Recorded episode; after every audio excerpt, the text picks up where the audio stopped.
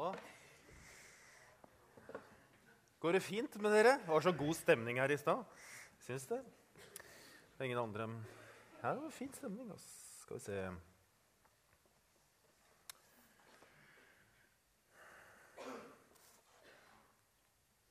Yes. Som Roar sa, så skal vi starte en eh, ny tallserie. Det er jo nytt år, nye muligheter. Alt det gamle er forbi, liksom. Nå er det nytt. Og da skal vi snakke om en bok som heter 'Under overflaten'. Roar viste den i stad. Og den er skrevet av en som heter eh, Peter Scacero. Han er amerikaner. Eh, og så er den blitt oversatt av norsk, oversatt til norsk. Eh, og det ble den i sommer av en gjeng som jobber i Misjonskirken Norge, pluss en som heter Jens Petter Jørgensen. Og underoverskriften i den boken jeg vet ikke om du ser det på bildet, er om samspillet mellom menneskelig modning og åndelig sunnhet. Altså at det er en sammenheng mellom vår menneskelige modning og hvor sunn vår åndelighet eller vårt trosliv er. Bare sånn i starten så vil jeg si at Vi kunne jo valgt et mye enklere, lettere tema på starten ved 2019. Vi kunne gjort det mye lettere for oss, rett og slett. Og så har vi valgt dette ikke fordi vi som står her og skal si noe om det, er ekspertene, for det er vi overhodet ikke. Men vi ønsker å sette i gang noen refleksjoner, noen tankeprosesser og ikke minst noen samtaler i smågruppene eh, om hjemme hos dere sammen med din familie og dine venner. Eh, om livet vårt, rett og slett. Det er det vi ønsker å snakke om. Hvordan det ser ut. Hvordan vi skulle ønske at det så ut, og hva vi drømmer om. Eh, og hva som gjør at det ikke alltid er samsvar mellom vår utside og vår innside. Eller det som er overskriften i boken, det som er over overflaten, og det som ligger under.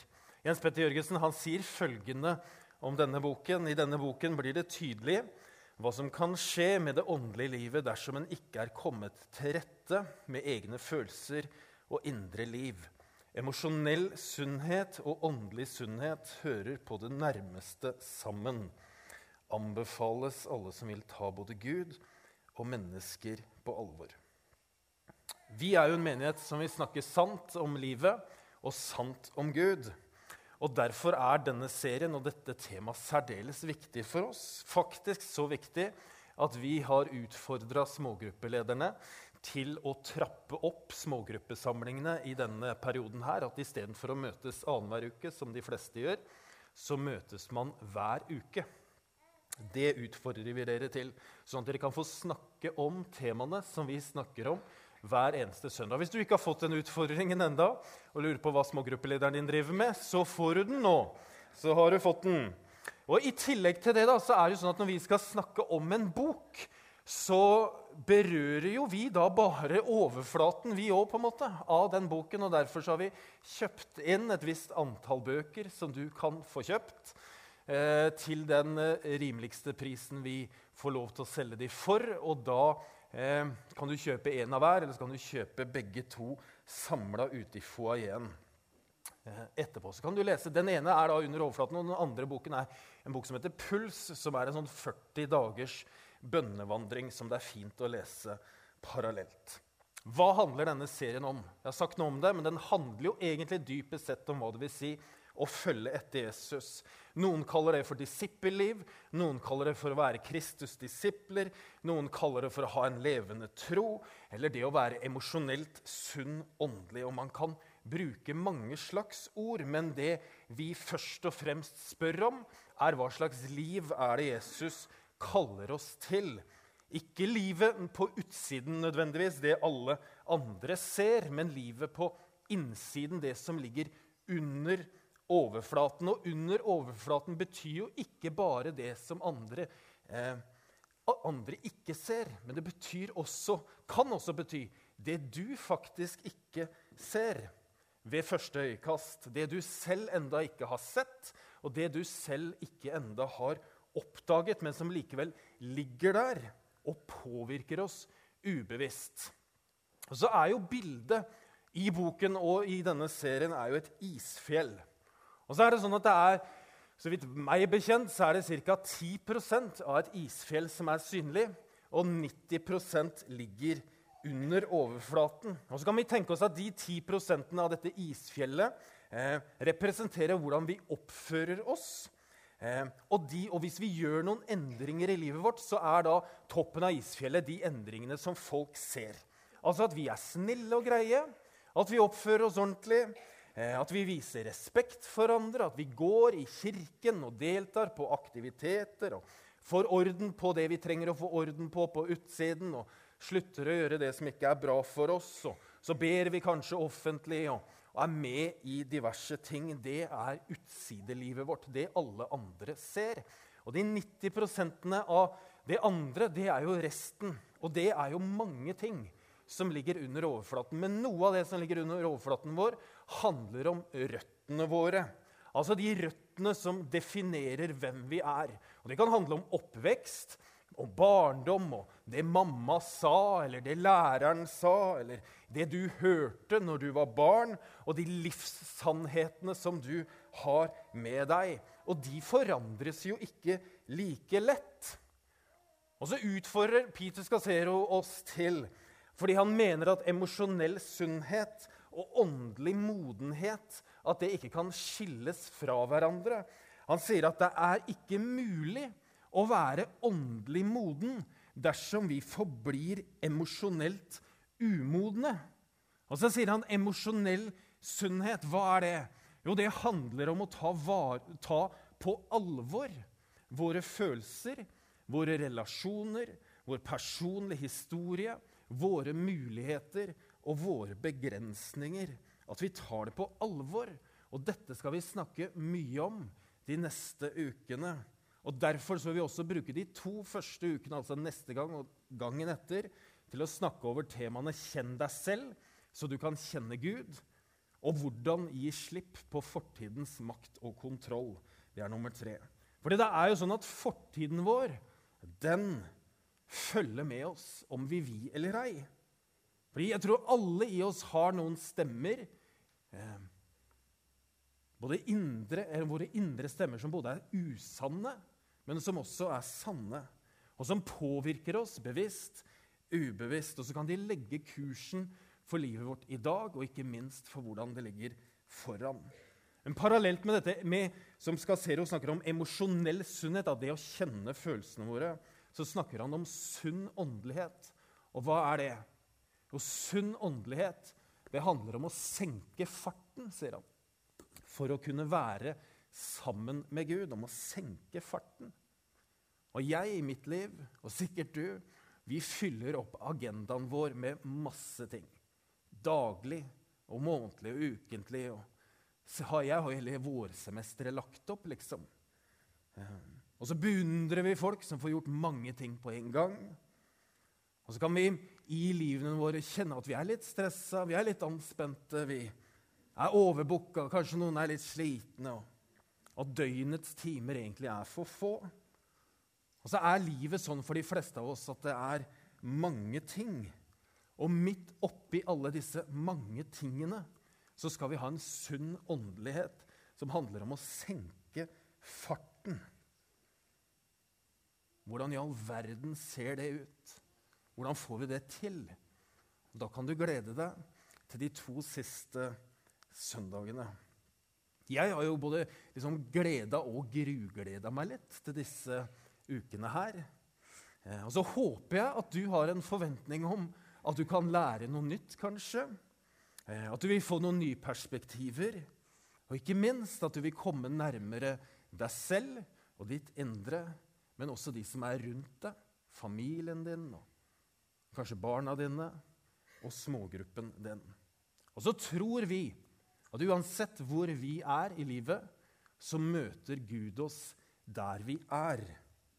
Han gleder seg over deg, og han gleder seg over at du ønsker å søke og kjenne han bedre. Og så håper vi at du vil være med på denne reisen. Nå høres det ut som jeg er ferdig. Jeg er bare ferdig med innledningen. Ja. Så jeg håper du sitter godt. Det står i 1. Korinterbrev 5, 17 så står det Nei, den som er i Kristus, er en ny skapning. Det gamle er borte. Se, det nye er blitt til. Og Dette bibelverset det bruker vi i forbindelse med dåp. Og vi bruker det når noen tar imot Jesus. Eh, og vi bruker det som et løfte som vi holder opp når fortidens minner kommer som en sånn flodbølge inn, inn, over våre liv. Da proklamerer vi at vi er en ny skapning. Det gamle, det er vekk. Se, nå kommer det nye. Og det er jo helt sant. Samtidig så lurer jeg på mange ting.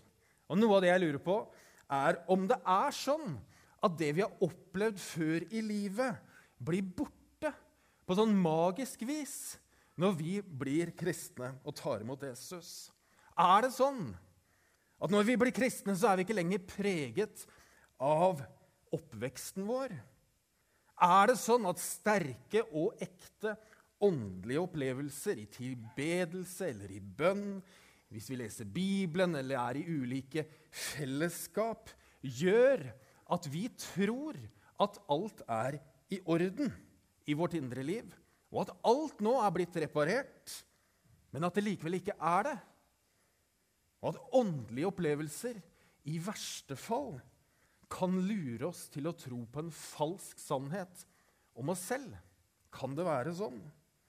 Eller er det sånn at vi må gå tilbake og forstå og oppdage hva de gamle tingene var og er?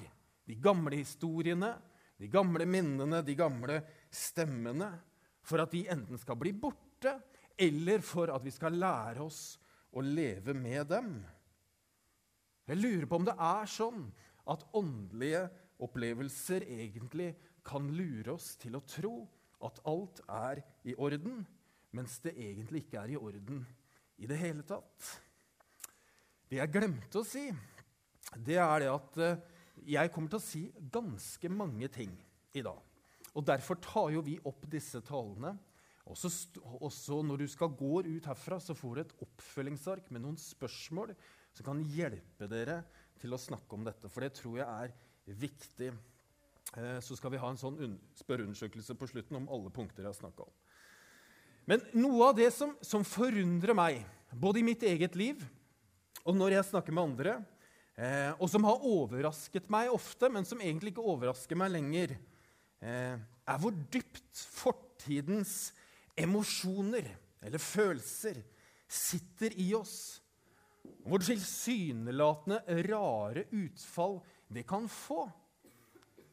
Det tok jo lang tid før jeg forsto hvor dypt fortidens makt satt i meg, og hvor mange terapitimer jeg måtte gjennom for å komme ut på den andre siden. Og fremdeles så kan jo jeg få sånne backflash av ting som har vært, og som gjør at jeg må puste ut og finne ut Martin, hva handler dette egentlig om. For noen av dere så vil denne serien være litt sånn ekstremt krevende, egentlig. Og det kan hende eh, at en smågruppe ikke er det rette stedet for deg å snakke om disse tingene, selv om jeg sier det. For det kan hende at det du strever med, sitter så dypt og er så krevende at din smågruppe ikke verken har mulighet til eller er i stand til å ta imot det. Og hvis du kjenner på det, så vil jeg anbefale deg til å snakke med noen av disse som gjerne vil snakke med deg, som er i vårt samtaleteam, og så kan dere finne ut av det der. Noen av dere andre tenker at dette er jo helt selvsagt. Martin, er du så sein? Og skal du bruke fem uker på dette, som er helt sunn fornuft? Og mens andre av dere tenker skal vi begynne med sånn psykologigreier i kirka òg nå? Altså Ikke minst har vi en bokhandel ute liksom, som vi selger bøker, og nå skal det være psykologigreier også. Og så er det noen av dere som tenker jeg har gleda meg helt vilt til denne serien. Jeg har visst om det lenge. Jeg har lest boka to ganger og liksom fulgt pulsblokka tre og, og, har hørt på alle podkaster og alt som er om dette temaet i lang tid, så jeg gleder meg vilt, for jeg kan aldri få nok av å rote rundt i mitt eget indre liv. Og til slutt av dere så tenker jeg også faktisk at noen av dere tenker og nå får du ikke lov til å gå. Du kan gå resten, men ikke nå. Noen tenker dette er en serie for damer. Helst de over 40 år. de Nå får de endelig det de vil ha. Eh, det de Nå skal vi snakke om følelsene våre. Ok. Det som er spørsmålet i dag, er også hva er problemet med en emosjonell usunn åndelighet? Og nå er jeg ferdig med innledningen. Annet enn at det er jo ikke, spesi altså, er jo ikke spesielt stas å gå rundt og si at jeg er et emosjonelt usunt menneske. Og For å svare på spørsmålet hva er problemet med en emosjonell usunn åndelighet, så skal vi se på ti symptomer for emosjonell usunn åndelighet. Og så når vi er ferdig, så kan du finne ut av er dette et problem. Ok? Det er ti. Og det første er jo alltid det lengste. Um, og det første er at vi bruker Gud til å flykte fra Gud. Kort fortalt, jeg fyller livet mitt med kristne aktiviteter for å unngå å ta tak i vanskelige temaer og spørsmål i livet mitt. Og hvordan kan det se ut å bruke Gud til å flykte fra Gud? Fordi på overflaten så ser jo alt bra ut. Toppen av isfjellet, det er helt topp. Fordi du leser den ene kristne boken etter den andre. Du går på gudstjeneste, du har et stort engasjement i menigheten og er med i masse forskjellige tjenester. Og så bruker du ekstra tid på bønn og bibellesning i ditt eget liv. Akkurat det du skal, og det er ingenting galt med det. Men det gale er dersom du bruker dette til å flykte fra Gud. Og Det betyr at når du møter vanskeligheter i livet, så leser du en bok om temaet. Eller når du kjenner på hva som er vondt i livet, da ber du til Gud. Eller at du melder deg frivillig til en aktivitet i kirken. Enda en. Altså bevisst eller ubevisst bruker du kristne aktiviteter eller ritualer for å unngå de vanskelige områdene i livet ditt som Gud egentlig ønsker å hjelpe deg til å forandre. Oskar Zero han sier at du er i trøbbel. Se på den lange lista. Du er i trøbbel når du Gjør tjeneste for Gud for å tilfredsstille deg selv, ikke Gud. Du gjør ting i Guds navn som du ikke har bedt han om, eller som han ikke har bedt deg om. Det er jo riktig. Gjør ting i Guds navn som han ikke har bedt deg om. Du ber om at Gud vil gjøre din vilje, i stedet for at du overgir deg til hans vilje. Du oppfører deg på en kristen måte for at mennesker du vil skal tenke godt om deg, tenker godt om deg. Du vektlegger visse teologiske poeng for din egen del, ikke fordi du er opptatt av Guds sannhet. Og så bruker du bibelske sannheter for å dømme og kritisere andre. Se på dem, liksom. Se hva de gjør. Så overdriver du det du har gjort for Gud, for å konkurrere med andre. Og så kommer du med påstander som 'Gud sa jeg skulle gjøre det', når sannheten er at du tror at Gud sa at du skulle gjøre det. Så gjemmer du deg bak snakk om Gud du avleder fokus bort fra dine egne sprekker, og du forsvarer alltid det du har gjort, selv om du også vet at det var feil. Så bruker du Bibelens sannheter selektivt for å unngå alt som krever at du gjør betydelige forandringer i livet. Det er å bruke Gud for å rømme fra Gud. Og der har dere en smågruppe kveld. Det andre punktet det er å ignorere sinne, sinne, tristhet og frykt.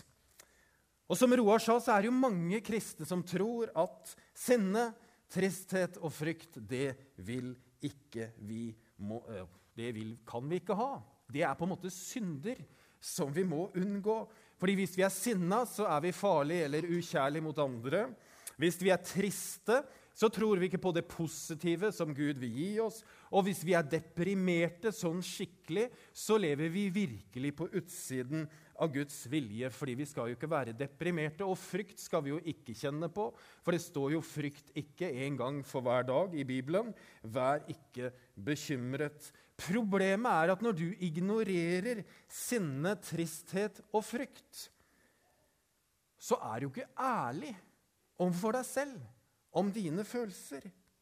De sårene, de smertene, de du har, følelsene du har som ligger under overflaten. Du er jo ikke ærlig med deg selv. Noen som ignorerer dette, de begynner jo da å pugge bibelversene. memorere dem, sitere dem, sende dem til andre, proklamere dem bare for at man ikke skal ta tak i alt det som ligger under, så ignorerer man dem. Fordi følelsene våre de skal vi ikke stole på. De går opp og ned. ikke sant? Det er jo noen kristne som lar seg styre av følelsene sine på en usunn og ubibelsk måte. Men det er jo langt flere, spesielt menn, eh, som ikke gir seg selv lov til å vedkjenne seg følelsene våre. Ikke minst de som er vanskelige, som handler om smerte, tap, frykt, sinnhet, sinne, skam osv. Men Gud har jo skapt oss i sitt bilde, som Roar sa. Og det å føle, det å kjenne på følelsene våre, er en del av å være menneske. Det er en forfatter som heter Thomas Merton, som sa at dessverre har noen av våre misforståtte kristne tanker og forventninger kvalt vår menneskelighet, i stedet for å sette den fri til å folde seg ut og utvikle alle sine evner under nådens påvirkning. Punkt tre det er å dø fra feil ting. Ireneus, en sånn kirkefader, han sier at Guds kjærlighet er et menneske som virkelig lever. Jesus han sa jo at om noen vil følge meg, så må han fornekte seg selv og hver dag ta sitt kors opp og følge meg. Betyr dette verset at jo mer elendig du føler deg, eh, jo mer du lider, jo vanskeligere du har det, jo mer elsker Gud deg. Ikke tenk på din unike personlighet. Ikke tenk på sånn som du opplever at du har det, fordi det har ingen plass i Guds rike. Det skal du legge av. Eller er det sånn at det Jesus snakker om når han sier at vi skal dø fra noe, så handler det om å dø fra de syndige sidene i oss? Det kan jo være vår hang til å gå i forsvar vår likegyldighet overfor andre, vår arroganse kanskje, vår stahet, hykleri, hvor vi fordømmer andre, eller at vi mangler en evne eller ignorerer en evne til å være sårbare. Fordi Gud kaller deg jo ikke til å dø fra dine gode sider. Fra det å kunne nyte livets gode gleder og lengsler, de gode behovene, vennskapene, glede og kunst og musikk og frihet og natur og alt det gode. Gud kaller deg ikke til å dø fra det. Men Gud planter jo nettopp sånne lengsler i ditt hjerte for at du skal kunne nyte dem. Da betyr det at han ber deg ikke om å utslette deg selv. Snarere tvert imot. Han ber deg nemlig om å forsvare deg selv. Stå opp for deg selv Si ifra om dine behov og beskytte deg selv. Han vil at du skal vise sårbarhet for hva du trenger. Det fjerde det handler om å fornekte fortidens effekt på nåtiden. og Det skal vi snakke mye om de neste to ukene, så jeg skal bare si kort. at jeg vet ikke om du ofte tenker på hvordan din opprinnelse og din oppvekst og hva foreldrene dine gjorde og sa, og sånt, hvordan det påvirka deg. Eh, men en viktig bibelsannhet er jo det at når vi tar imot Jesus, så blir vi født på ny. Jeg sa noe om det i stad. Det gamle er borte, se det nye stiger frem. Dine synder er strøket ut. Du har fått et nytt navn. Du har fått en ny fremtid, et nytt liv, gjennom troen på Jesus. Men det betyr jo ikke det at fortiden ikke vil påvirke oss på forskjellige måter i livet. Og da er det bare å komme igjen neste gang. Det femte det er å dele livet i to båser verdslig og hellig.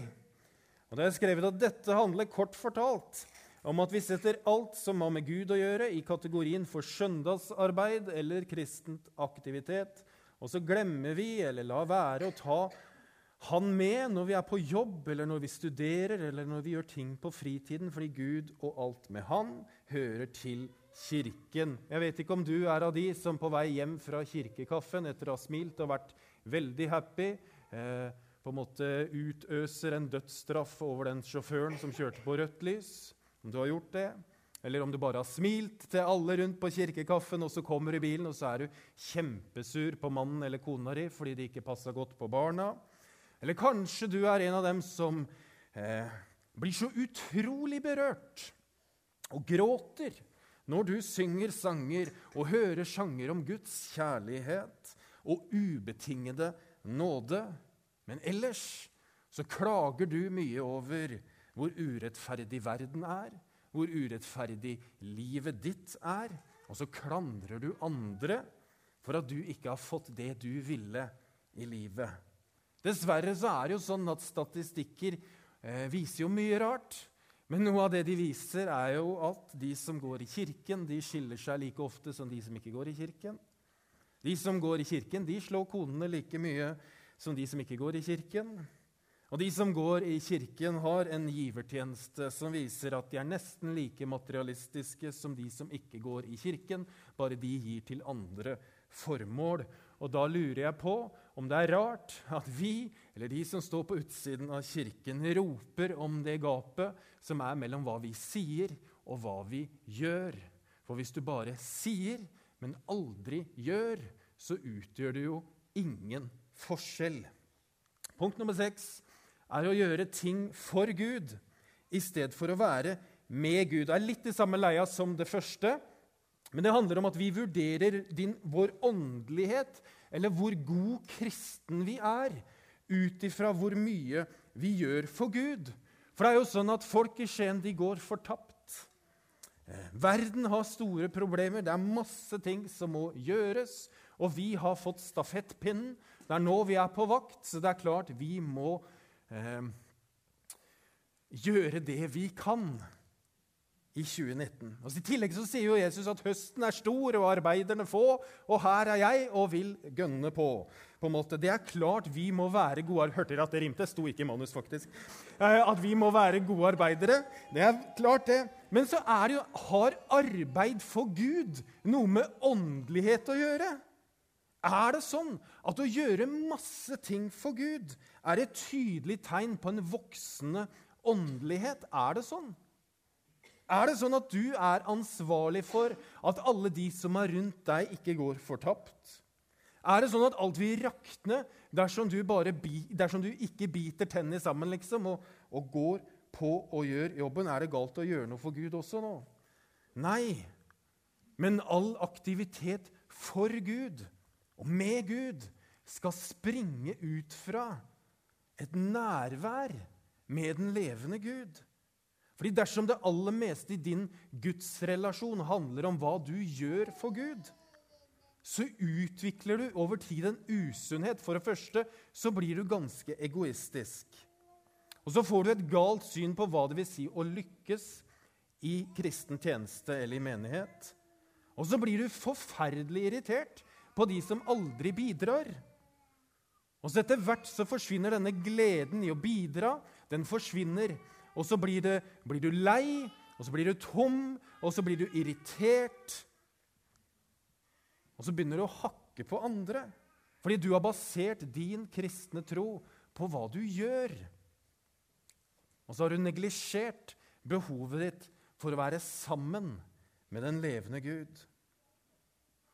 Det syvende det er å unngå konflikt ved å åndeliggjøre dem. Du unngår konflikter, og så åndeliggjør du dem i verste fall i stedet. Eksempler på det er jo at la, det enkleste er jo å la være å si hva man mener. Du vil jo ikke skape konflikt. Eh, og så glatter du over uenigheter og så sier du, men vi er jo enige om det viktigste. liksom. Det kan jo også hende at du, når du står i en konflikt, så arrangerer du et bønnemøte. For vi må jo be mot, mot konflikten. Nå må vi be istedenfor å ta den tunge samtalen og være real. Eller i verste fall så kategoriserer vi konflikter med kristne mennesker som åndskamp. Og i hvert fall hvis noen har en konflikt med oss. Det er jo ingen som liker konflikter, men konflikter er jo overalt. Hvis du er menneske, liksom, så vil det være konflikt. Og er det sånn at vi som kristne mennesker må glatte over disse konfliktene? Feie dem under teppet? Jeg lurer på, Er et menighetsmøte uten uenighet og konflikt et godt menighetsmøte? Og Hva gjør du når du møter konflikter? Er du stille? Lover du ting du ikke kan holde? Håper du det kan løses likevel? Eller blir du sarkastisk kanskje og angriper? Eller skriver en sinna mail i etterkant? Eller ringer en telefon? Eller skriver kanskje en sint kommentar på Facebook? Det er populært for tiden. Og håper å få mange likes på det. Eller finner du kanskje en på utsiden som du da kan øse ut all din gørr over? Vet du at Jesu liv var jo fullt av konflikter. Med religiøse ledere, med disiplene, med familien sin og med folkemengden. Han viser oss at sunne kristne ikke unngår konflikt og åndeliggjør dem, men at konflikter kan være et verktøy for å komme fram til en større forståelse mellom mennesker, og at konflikter kan være helt nødvendig for å få rett kurs på noe som har glidd helt ut. Hører at det her er mye å snakke om til uka. Det er onsdag, liksom. Nummer åtte det er å dekke over sår, svakheter og mislykkethet. Og Det er jo kategorien for de av oss som syns det er vanskelig å snakke om våre svakheter, våre feil og mangler, og så dekker vi over dem i stedet. Jeg tenker hvor Mange av oss har ikke sånn press altså, om å på en måte presentere godt, en god overflate. De fleste har det. Et bilde som er liksom på høyden. Her er jeg helt topp liksom, hele tiden. Eller at vi har dårlig samvittighet for at vi ikke når opp til han som står ved siden av. For han der er, ser jo helt topp ut. Og så kan vi lese om eh, Paulus, som det står hadde torn i kjødet eller i siden som preget han. Og så takket Paulus Gud for dette. Og så minner Paulus oss om at Guds svakhet Nei, at Kristi kraft, eller Guds kraft, den fullendes i svakhet. Det kan vi lese, men så tenker vi det gjelder ikke meg. Eller det gjelder i hvert fall ikke den tingen jeg strever med. Det gjaldt ikke i hvert fall det. Det gjelder om helt andre ting. Hør her. Bibelen bortforklarer jo ikke at Moses var en morder, eller at Eh, Hoseas kone var en prostituert. At Peter han irettesatte jo Gud. og Noah drakk seg full. og Jakob var en løgner. Elia han ble utbrent. Jeremia han ble deprimert og suicidal. Thomas han tvilte, og Timoteus han fikk magesår av tjenesten. Det bortforklarer ikke Bibelen. Men disse historiene sender samme budskap. At hvert eneste menneske uansett er sårbart og har i seg noe som er svakt, som gjør at vi er avhengig av Gud og andre mennesker, uansett hvilke gaver og styrker vi har. Det finnes jo ingen uten unntak. Så hvorfor skal du da forsøke å dekke over det som er svakt i livet ditt? Mest sannsynligvis så tror du at andre folk ikke ser din svakhet. Men kjære deg, den siste som ser det, det er deg selv. Så hvorfor i all verden skal du bruke så mye kraft på å dekke det til? Spesielt for de som står deg nærmest. Nummer ni da, er å leve uten grenser. Er du en av dem som folk, kjenner, som folk som kjenner deg, vil si han eller hun er en som prøver å få til alt, og som ofte tar seg vann over hodet? Og til deg har jeg bare lyst til å si du er ikke Gud. Du kan ikke få til alt. Du kan ikke si ja til alt. Og du kan ikke hjelpe alle som har behov. Men Paulus han skriver jo det at alt makter jeg i ham som gjør meg sterk. Jeg vet det er seint, men du må henge med på dette. For det handler om at det er Gud som gir han den kraften. Fordi Paulus han var veldig menneskelig. Han møtte utfordringer og vanskeligheter, og han lærte på den tunge måten hvordan han skulle leve med de svakhetene og utfordringene han møtte. Han hadde ikke en enkel 'jeg gir alt til Gud'-holdning, så blir alt topp. Og at han gjennom det ignorerte utfordringene sine i livet. Nei, tvert imot. Fordi Gud hadde arbeidet gjennom Paulus i lang tid. Og han var overbevist om dette, at hemmeligheten om at gjennom troen på Jesus Kristus ble Paulus rustet med en kraft ifra det høye til å møte alt han møtte. At det var Gud som gav hans styrke. At all Paulus sin styrke den kom ut ifra det nære fellesskapet med Gud. Og det er noe helt annet enn å ta seg selv i nakken. Siste punktet er å kritisere andres åndelige reise. Og det er så utrolig lett å gjøre. Men dette er for de av oss som veldig ofte legger merke til og blir utrolig frustrert over andres valg, andres væremåte og åndelig stil. Fordi Hvorfor gjør ikke folk på samme måte som deg? liksom? Hvorfor kan ikke folk se at det du gjør, vil være godt for dem?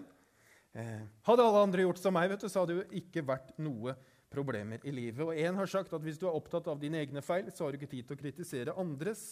Og det er helt sant, tror jeg. For det er så utrolig lett å gi andre råd.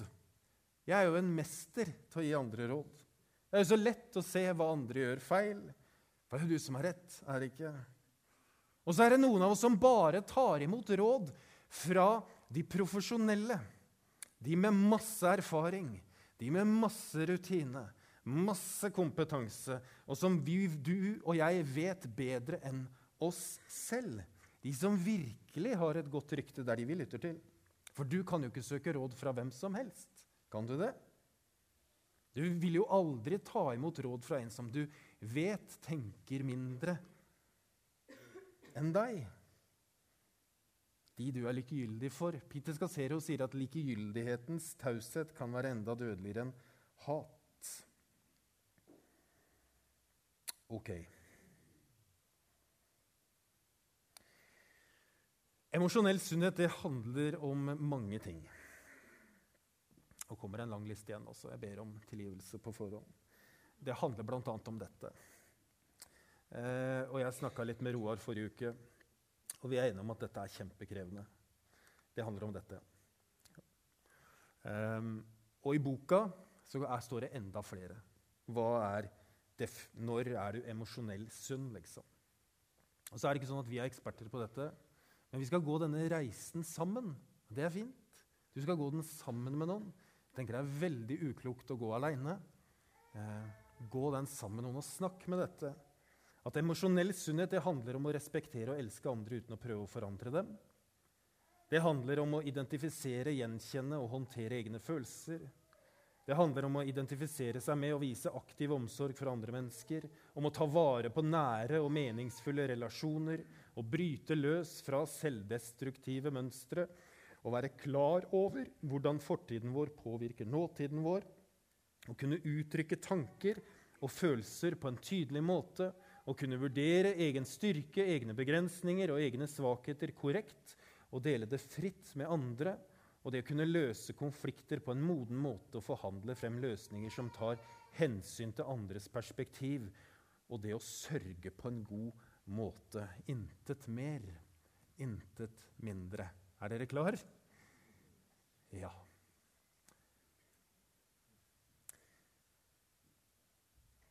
Jeg tror vi skal be en bønn. Far i himmelen, takk for at vi kan komme til deg med livene våre. Og takk for at du møter oss akkurat der vi er. Nå ber vi om at du skal hjelpe oss til å forholde oss til det vi har hørt, sånn at vi kan ta det inn i vårt indre og grunne på det og jobbe med det og snakke med andre om det. Så ber vi om at du skal beskytte oss og velsigne oss og lede oss på den reisen som vi skal ha de neste ukene. Ber om at du skal hjelpe oss til å være åpne med hverandre og hjelp oss til å se oss sånn som du ser oss. Hjelp oss, Herre, til å eh, søke deg i et rolig tempo, hvor vi kan kjenne at du er nær, og hvor pulsen vår går ned, og hvor vi kan lytte til din stemme. Velsign oss alle sammen, Herre. I Jesu navn. Amen.